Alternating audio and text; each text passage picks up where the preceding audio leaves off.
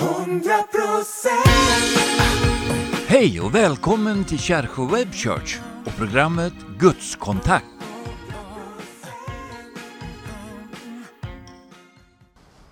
Det här är Tjernobylbarnet Maxim på rehabiliteringsläger i Kärsjö på 90-talet. Och det här är Maxim idag. Hello, my name is Maxim. It's my family. I'm from Mariupol. Uh, now in my country and in my town is a war and very dangerous. Uh, I um, uh, say please all Sweden people uh, to help us. Maxim kan inte fly, för alla män mellan 18 och 60 år har beordrats försvara landet. Vi kan inte hjälpa dem, men vi kan definitivt hjälpa deras familjer. Och det måste vi göra. Swisha din gåva märkt Ukraina till 925 36. Det är en fantastiskt stor förmån för mig att få vara en del av den här äh, Kärrsjökonferensen. Och, eh, den här konferensen har ju funnits i många, många år och den har fått betyda så mycket för så många människor. Inte bara i Sverige utan faktiskt över hela vår värld. Arbetet som eh, de står i här tillsammans med Lennart Eriksson i spetsen och Ulrika är helt enormt. Och Jag tycker att det är värd all beundran. Och det är en stor förmån för mig att för första gången få vara med i den här Kärrsjökonferensen. Temat för den här konferensen är evangeliet, den inneboende kraften. Och eh, det är det som den kristna kyrkan faktiskt eh, bara längtar efter att eh, få dela med sig av, det är evangeliet. Evangeliet är fyllt av så mycket av kärlek, så mycket av kraft, så mycket av under och tecken. Och eh, Sverige är ju bara en liten, liten del av den stora världen. Och den kristna kyrkan är också faktiskt bara en del av den stora kyrkan utöver världen. Och eh, vi har ett uppdrag i Sverige, vi har ett uppdrag i, i Sverige att förpredika evangelium, att förkunna Guds ord. Och eh, därför så är det här temat jag ska tala lite grann över nu, evangelisation, en livsstil. Det är någonting som jag har brunnit för och brinner för väldigt starkt. För jag tror verkligen det, att det enda som kan förvandla människors liv, det enda som kan sätta människor fria, det enda som kan göra att eh, psykisk ohälsa minskar, att människor eh, känner att oron släpper, det är att när evangeliets kraft når in i människors liv. Jesus är på riktigt. Hans kraft är på riktigt. Och eh, bara för att göra en snabb recap för dig som kanske inte är van att gå i kyrkan, eller som kanske sällan tittar på kristna program, så är det ju faktiskt så att Gud säger i sitt eget ord i Bibeln, att han älskade världen så mycket att han gav oss sin enfödde son. Jesus Kristus är inte bara en historisk person, han är en världens frälsare, han är den som förvandlar liv. Och när han eh, spikades upp på ett kors och när han hänger det tillsammans med två rövare och han säger att det är fullbordat, så sker det som aldrig någonsin kommer att ske en gång till. Nämligen det att han, Jesus Kristus, bröt udden utav all djävulskap, allt mörker, all tristess, allt det som binder oss människor. När han sa dessa orden, det är fullbordat. Och I samma ögonblick så säger Bibeln att eh, Gud öppnade en ny och en levande väg in i det allra heligaste. Och Det kanske är svårt att förstå och det är svårt att greppa, men det betyder att du och jag som sätter vår tro till Jesus Kristus, vi kan få uppleva allt det som Jesus står för. Allt det som Gud hade planerat för människan, att leva i gemenskap med honom i frid och fred. Så Sverige är ett land, det är ett postmodernt land. Det är ibland, säger man, ett av världens mest sekulariserade länder. Och eh, det skulle man kunna tala väldigt mycket om. Men oavsett hur ett land ser ut, oavsett vilken andlig temperatur ett land har, vilken social temperatur ett land har, eller vilken ekonomisk och social eh, temperatur och miljö som vi lever i, så är det nämligen så att evangeliet är en kraft som bryter igenom alla barriärer. Det står så här i Romarbrevet i kapitel 1 och vers 16 så står det så här. Att, eh, och det är Paulus som skriver till en kyrka, en församling i Rom. Och det står så här att jag skäms inte för evangeliet, för det är en Guds kraft till frälsning för var och en som tror. Det står på ett annat ställe också att evangeliet är en dårskap för den som inte tror. Men för den som tror så blir det en räddning, det blir en vinning. Det betyder att eh, frälsningen och evangeliets inneboende kraft är ingenting som man kan förklara med mänskliga ord. Utan alla de människor som jag har mött under mina 28 år när jag fått resa runt och predika och undervisa, inte bara Sverige utan många andra länder, det är det att de som tar emot Jesus i sitt hjärta och börjar tro på evangeliets kraft, de säger så här, jag skulle aldrig kunna sätta ord på hur det skulle bli innan jag tog emot. Därför Bibeln är så fantastisk att det finns en hemlighet hos Gud. Och där finns i evangeliet. Så evangeliet i sig själv, för den som inte vill tro, och det är frivilligt, eh, så är det faktiskt en dårskap, det säger Bibeln. Men för den som vågar ta klivet över och vågar tro, och sätta sin tro till evangeliet, så är det en frälsning och en Guds kraft. Jag skäms inte för evangeliet, eh, sa Paulus, därför att det är en Guds kraft till frälsning. Guds kraft och Guds eh, härlighet och hans närvaro och det Jesus själv står för, det är en verklighet idag. Jag personligen längtar efter att vi skulle få se mycket mer av det här i, i vårt eget land Sverige. Men jag tror att den andliga hungern som finns, inte minst bland en ung generation, så eh, tror jag på ett förvandlat Sverige. Jag är, brukar jag säga, född optimistisk och sen har jag fått den helige Ande i mitt liv. Och det gör att jag personligen tror att det bästa ligger framför. Den här konferensen vill förmedla det viktigaste som finns, det är nämligen det att det finns ingen annan väg till Gud än genom Jesus Kristus. Jesus när han hänger på korset och han sa de här orden att allt är fullbordat, välkommen hem så eh, betyder det att Jesus han är vägen, han är sanningen och han är livet. Och det står i Johannes 14 och vers 6. Så den kristna kyrkan, den första kristna kyrkan, var ju en kyrka som andades eh, av under och tecken och mirakler. Och när jag ser på den kyrkan, när jag, när jag verkligen studerar Bibeln, den första kristna kyrkan, så märker jag att eh, vi har en hemläxa att göra även i Sverige. Och min längtan och min intention är att hela tiden sträva efter att försöka göra lite mer för att gestalta och att eh, verkligen förmedla evangeliet för vad det verkligen är. Jesus, han är inte religiös. Han är verklig, han är kärleken själv. Den helige Ande är ju hjälparen, den tredje personen i gudomen. Och det har många under den här konferensen har nämnt om den helige Ande. Och det, är väl, det är ju så att den helige Ande är ju tredje personen i gudomen och fullheten av Kristus finns i den helige Ande. Och jag har sagt i många konferenser som jag har predikat, eh, även i Sverige, att eh, den helige Ande är ju inte svensk. Den helige Ande är inte amerikansk eller asiatisk, utan den helige Ande är himmelsk. Och Det gör att det finns alla möjligheter, oavsett vilket land man bor i, att låta den helige Ande få bo i oss, så att det inte bara blir något påklistrat, utan att leva med evangeliet genom den helige Ande. Att leva i ett land när vi har mycket som attackerar kyrkan, och det, det är mycket motstånd och så vidare, skulle man kunna säga. Men för mig så är det en öppen dörr. Och därför tror jag det är oerhört viktigt att vi förstår att evangeliet kan få bli en livsstil. Och vi ska titta lite grann faktiskt, och det här är ju mer ett bibelstudium, ett seminarium, det är inget väckelsemöte. Och därför så kommer jag ge dig en del bibelord.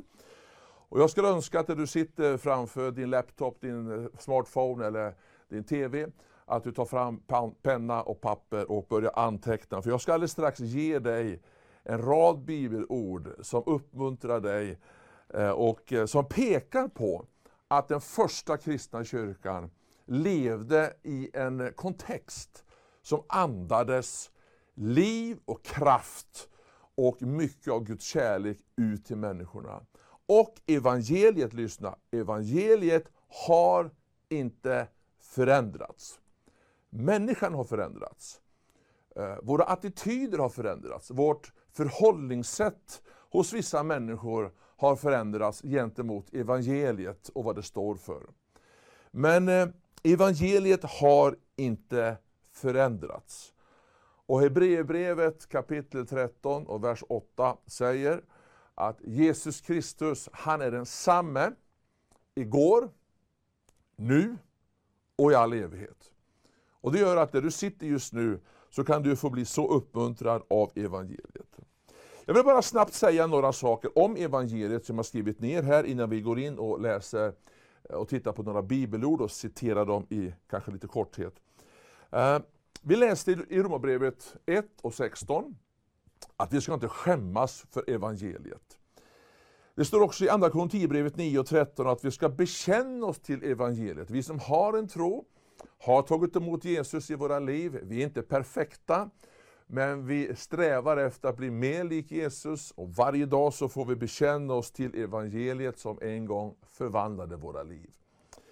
Eh, vi ska leva på ett sådant sätt som är värdigt evangeliet. Det betyder att man kan inte leva hur som helst och tro att evangeliet ska välsigna eh, alla mina initiativ och det jag tycker är rätt och riktigt.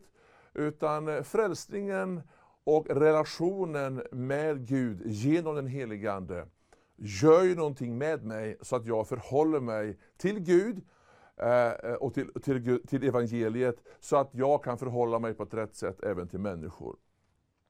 Vi ska lida, vi ska lida för evangelium står det faktiskt. Det är inte så populärt i Sverige att tala om det. Men eh, det finns ingenstans i Bibeln som säger att allting ska gå som på, på räls. Utan det finns en baksida och vi ska inte ta så mycket om det nu. Men eh, det finns ett pris att betala att följa evangeliet. Och jag tänker på mina vänner, mina, mina kollegor som finns i andra delar av världen faktiskt, som just nu har fått betala ett ganska högt pris Eh, för att man har evangelisation som en livsstil. Man andas det, man lever det, man predikar, man evangeliserar. Överallt där man är så vill man dela vem Jesus är. Och faktiskt att en hel del av dem idag sitter i fängelse, har upplevt tortyr och så vidare. Och det får vi aldrig glömma bort. Så att Sverige har inte en specialvariant av evangeliet, utan det är, är detsamma över hela vår värld. I den första kristna kyrkan, då ska vi titta på det, det är det som är måttstocken. Om man skulle eh, på något sätt eh, fundera på och eh, kanske göra en bild av vad är en sann kyrka? Så måste vi förstå det att vi måste gå tillbaka till den första kristna kyrkan. För där finns, liksom, för mig, en måttstock, det finns en, eh, en, en, eh, en mönsterbild på hur det skulle kunna se ut. I den första kristna kyrkan, då ska du tänka på det att de hade inte Nya Testamentet. Det är lätt att komma ihåg, eller lätt att glömma ska jag säga, att när vi läser Nya Testamentet om den kristna kyrkan så eh, kan ju vi läsa det med historiska glasögon. Vi läser hur lärjungarna liksom eh, eh levde och vi läser om Paulus tre missionsresor. Vi läser om församlingsplantering, vi läser om fantastiska eh, kampanjer, konferenser som fanns i Nya Testamentet. Men eh, när de gjorde det som de gjorde och när den, när den första kristna kyrkan levde och andades, då hade man ju inte Nya Testamentet på det sättet som vi har idag. De hade ju Toran, Gamla Testamentet. Men över tid och samtidigt som kyrkan växte och det hände massa saker i den första kristna kyrkan, så skrevs det ner till, till det nya testamentet och det blev en välsignelse för oss idag. Det står i Hebreerbrevet, och du ska, det ska jag faktiskt ta dig med till och, och läsa. Hebreerbrevet kapitel 1, så står det någonting väldigt, väldigt viktigt. Jag ska inte läsa så mycket bibelord, men jag ska, jag ska nämna bibelorden och, så du kan skriva ner dem. Men det står så här i första kapitlet i Hebreerbrevet. Att eh, i forna tider så talade Gud många gånger och på många sätt till fäderna genom profeterna. Det var i Gamla Testamentet. Alltså Gud har talat i historien. Gud har alltid talat, för Gud har alltid funnits, säger Bibeln. Och Gud han står bakom allt det vi kan se, han står bakom allt det vi inte kan se. Det är den kristna trons fundament. Men nu i den sista tiden, står det, har han talat till oss genom sin son. Den sista tiden, det är ju ett, eh, ett ord som man kan, ja, det är svårt att, att greppa faktiskt. Därför när Hebreerbrevets författare skriver den sista tiden här, eh, så klart att då lever ju vi verkligen i den sista tiden. Men då har han talat till oss människor genom sin son. Eh, honom har han insatt som arvinge till allt och, gjort, och genom honom har han också skapat universum. Sonen, alltså Jesus, är utstrålningen av Guds härlighet och hans väsens avbild och han bär allt med sitt mäktiga ord. Och sedan han nu fullbordat rening från synderna sitter han på majestäts högra sida i himlen. Alltså, Jesus är på riktigt. Jesus sitter på Faderns högra sida. Och Gud har i historien talat till oss genom profeterna, men nu i den sista tiden så har han talat till oss genom sin son. Och sonen Jesus gjorde det vi talade om i början. Han vann en evig seger på korset. Där startar evangeliet. Markus evangeliet kapitel 1 säger också, här börjar evangeliet om Jesus Kristus.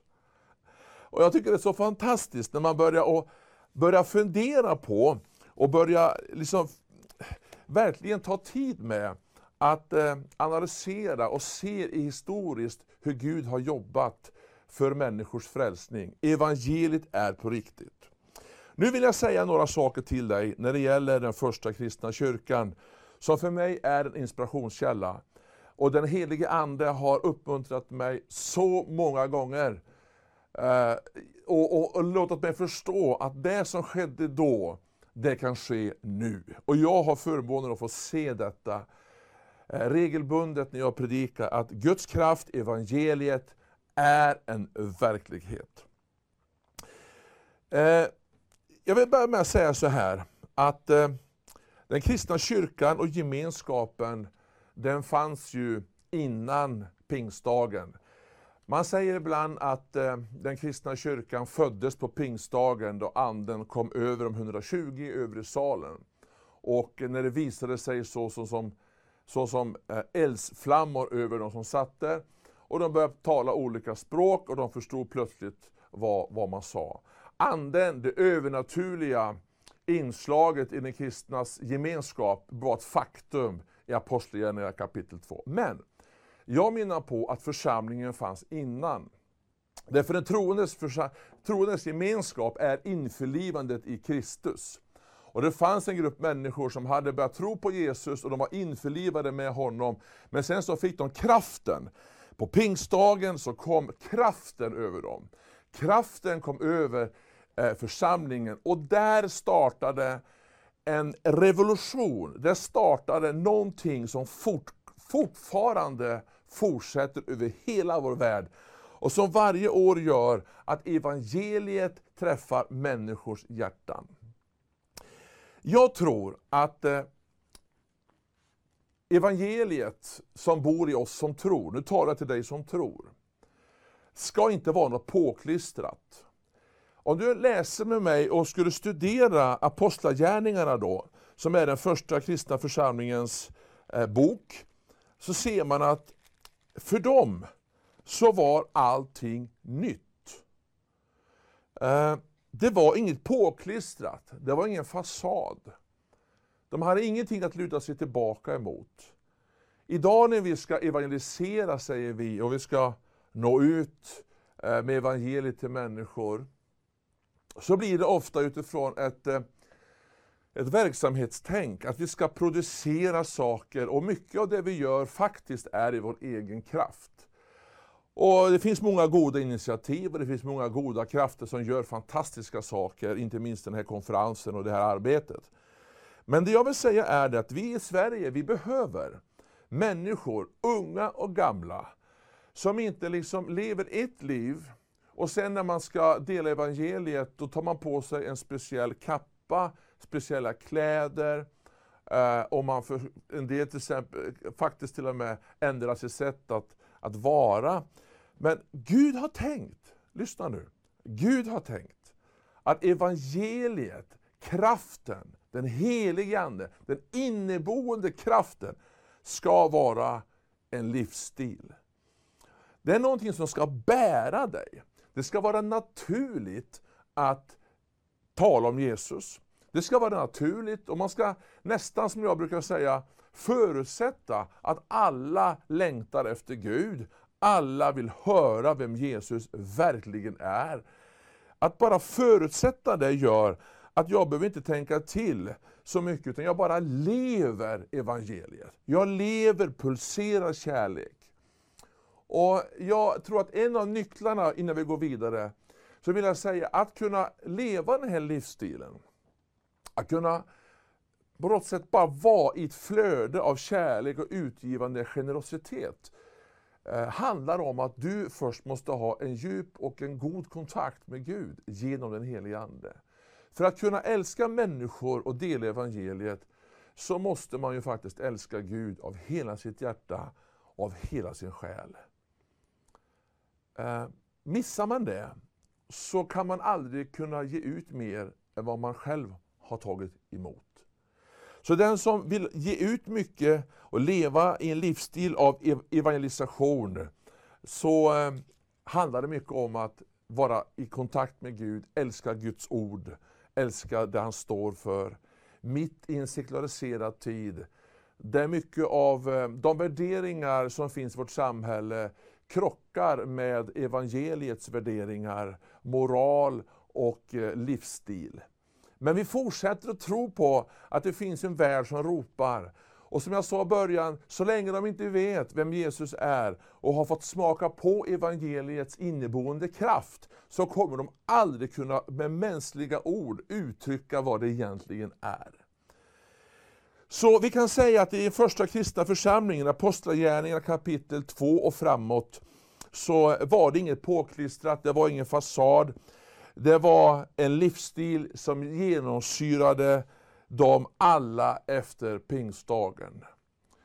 Och nu vill jag ta dig med väldigt kort och visa dig att eh, det finns olika sätt att evangelisera på. Man eh, har en föreställning om att eh, evangelisation är någonting man gör en viss tid, på ett visst sätt, och så står det gärna annonserat i en, i en kyrkas programblad eller sådär. Men jag menar på vänner, att eh, när vi är fyllda av hans kärlek, när vi älskar Gud av hela vårt hjärta, och när vi älskar människor, så där du är kan du vara missionär. Där du är kan du vara en person som andas, lever evangeliet ut till människor. Nu ska du ta fram penna och papper, för att det här är lite av ett bibelstudium som jag sa. Det här är ingen väckelsemöte. Det märker du. Jag, jag är van att ha väckelsemöten och, och eh, konferenser så här, men nu har jag en del bibelord som jag har förberett. Jag ska bara säga dem och du får skriva ner dem. För varje bibelord eh, talar om att det finns då olika sätt att vinna människor. Mänskliga metoder kommer man ett stycke med, men eh, du kommer till en viss gräns. Sen måste den helige Ande verkligen få ta över. Därför jag kan inte frälsa människor. Du kan inte frälsa en enda människa. Du kan inte ens frälsa eh, ett husdjur, en katt eller en hund brukar jag säga. Utan det, det är stört omöjligt. Utan det är faktiskt så att det är evangeliets inneboende kraft, den helige Ande, säger Bibeln, som ska överbevisa människor om deras synd. Och det, det, finns ingen frälsning utan synd. Eh, och det finns ingen frälsning utan eh, ett kors och inget kors utan blod. Eh, så att det är nycklarna. Nummer ett, i kapitel 3, efter pingstdagen när den föll i kapitel 2, så ser vi ett nyckelunder. Och nu skulle jag kunna hålla ett långt bibelstudie för varje punkt jag ska ge dig här. Jag ska inte göra det. Men vi ska snabbt, snabbt titta på detta, för det här är så fascinerande. När de fick anden i kapitel 2 så exploderar hela den kristna kyrkan. Evangeliet blev en livsstil. Överallt där man gick kring så gjorde man kyrka. Man gick inte till en, en, speciell byggnad och gjorde gudstjänst, utan man var kyrka, man var evangeliet. Evangeliet är elastiskt och det är så otroligt kraftfullt. Så i kapitel 3 så ser vi ett nyckelunder. Petrus och Johannes kommer och de ser en lam man som står upp direkt efter kapitel 2.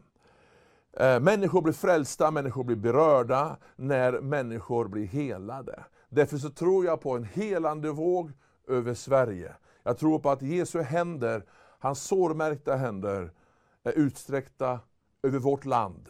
För att hela, inte bara våra kroppar, men våra själar och våra tankar. I kapitel 5 så ser vi en helande explosion faktiskt. Det är helt otroligt att se hur eh, människor upplever hur apostlarnas händer, genom dessa händer så skedde många tecken och under. Och eh, det var många som kom till tro. Det var en explosion av helande som en konsekvens av att eh, anden föll på pingstdagen. Det var en livsstil överallt där de gick fram. Och nu blev människor helade. Och när de såg den här gudomliga kraften som de hade i sina hjärtan och i sig, inte för att de var perfekta, men för att de var beklädda av någon, så eh, verkligen så var det en helande explosion. Kapitel 6 så ser vi att det är viktigt med rätt man på rätt plats. Eh, vi ser att där till, till, till och med när man skulle dela ut mat, så eh, så ser vi faktiskt hur viktigt det var att de var fyllda av andekraft och människor blev berörda. Eh, I kapitel 9 så ser vi hur, hur Paulus får möta Jesus, får sitt liv förvandlat. Och han blir en bärare av evangeliets kraft och gör tre missionsresor och planterar församlingar. Helt fantastiskt. Varför? Evangeliet drabbade dem. Människor blir berörda. I kapitel 10 så ser vi änglabesök. Gud talar till oss människor genom änglabesök. Det händer ibland.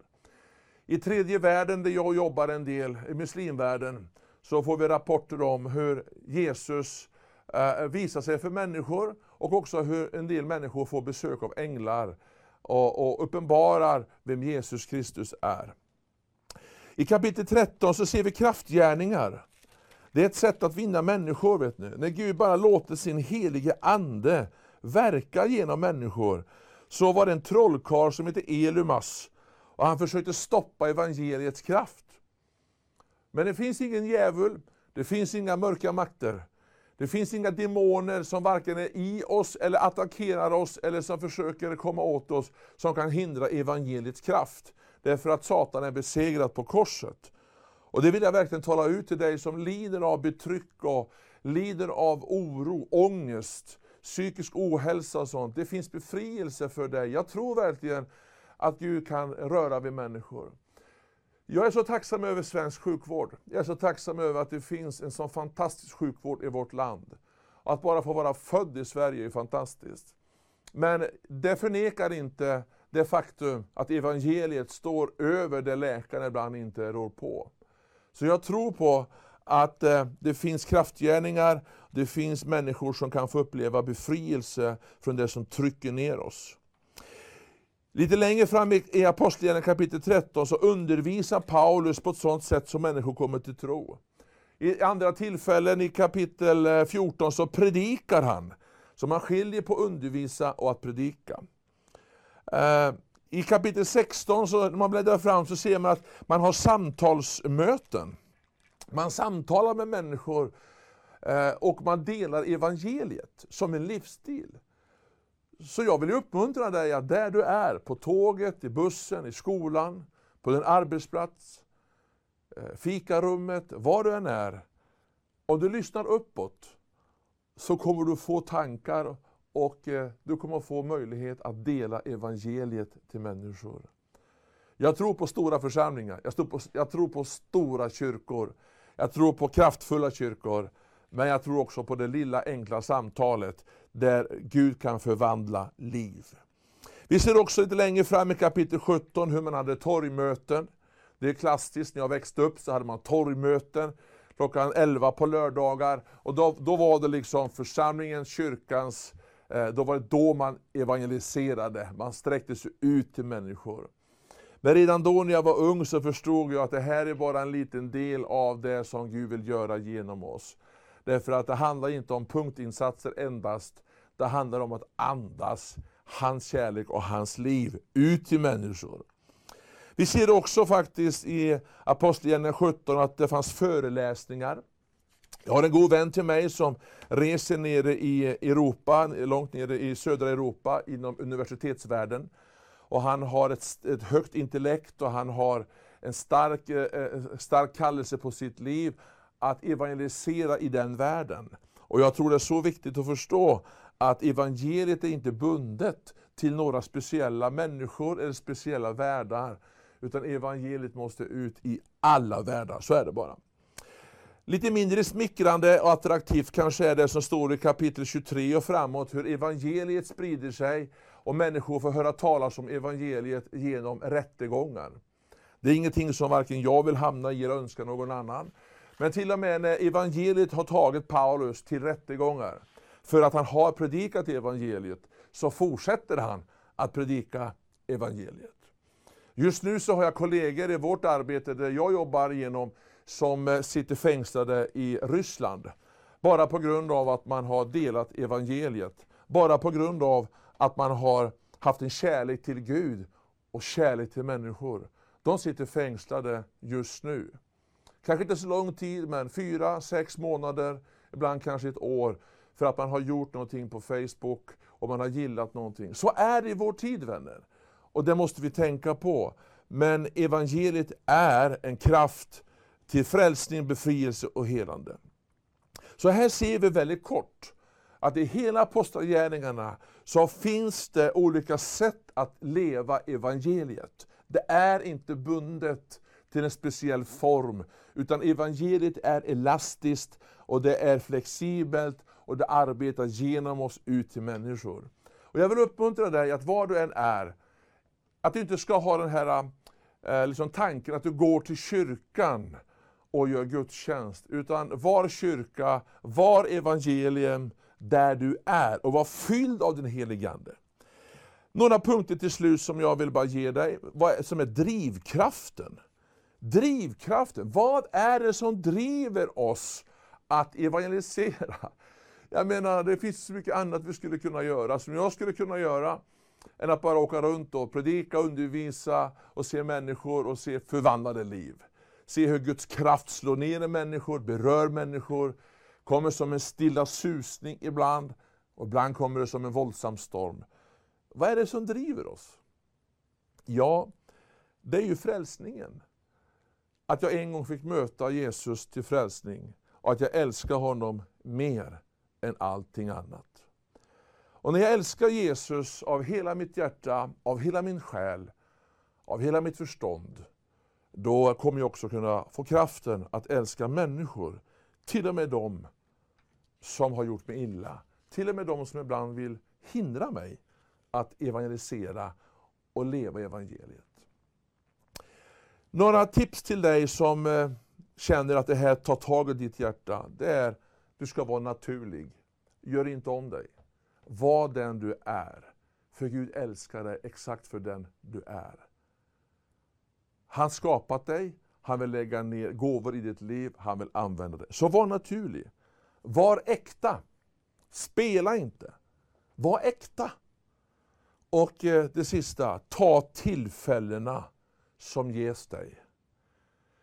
Jag skulle kunna stå och berätta för dig små, små tillfällen, glimtar, när man sitter två timmar på ett flygplan eller man sitter på en gate eller möter någon person och du känner dig manad, du känner bara att du, du vill dela evangeliet och du vet att den här personen kanske jag aldrig kommer att träffa någon mer gång. då vill det till att vi tar våra tillfällen. Detta vill jag inte säga för att lägga ok på dig eller pressa dig. Nej, allt sker av frivillighet. Men den som har blivit drabbad av Guds kärlek, blivit brännmärkt i sitt hjärta av den helige Ande och förstått att evangeliets inneboende kraft, det, det, det kommer inifrån och ut. Och då är det naturligt att dela evangeliet för människor. Jag ska strax be en bön tillsammans med dig. Men innan det så vill jag säga så här. Jag upplever att Sverige blöder. Jag upplever att det är så många som behöver Jesus i sina liv. Så jag vill uppmuntra dig, om du är van att gå i kyrkan eller inte gå i kyrkan, om du har en tro, så ta det på största allvar. Eh, eh, det, det finns människor som väntar på dig. Du är någon annans bönesvar. Så låt nu evangeliet få vara en livsstil. En liten uppmuntran till dig så här, mitt i den här Kärrsjökonferensen. Låt det inte bli något statiskt, något mekaniskt, utan överlåt ditt hjärta till Gud, därför Gud behöver dig, därför att Sverige blöder. Och eh, jag tror verkligen att Jesus kommer att göra så mycket genom sin helige Ande i Sverige. Och därför ligger det bästa framför.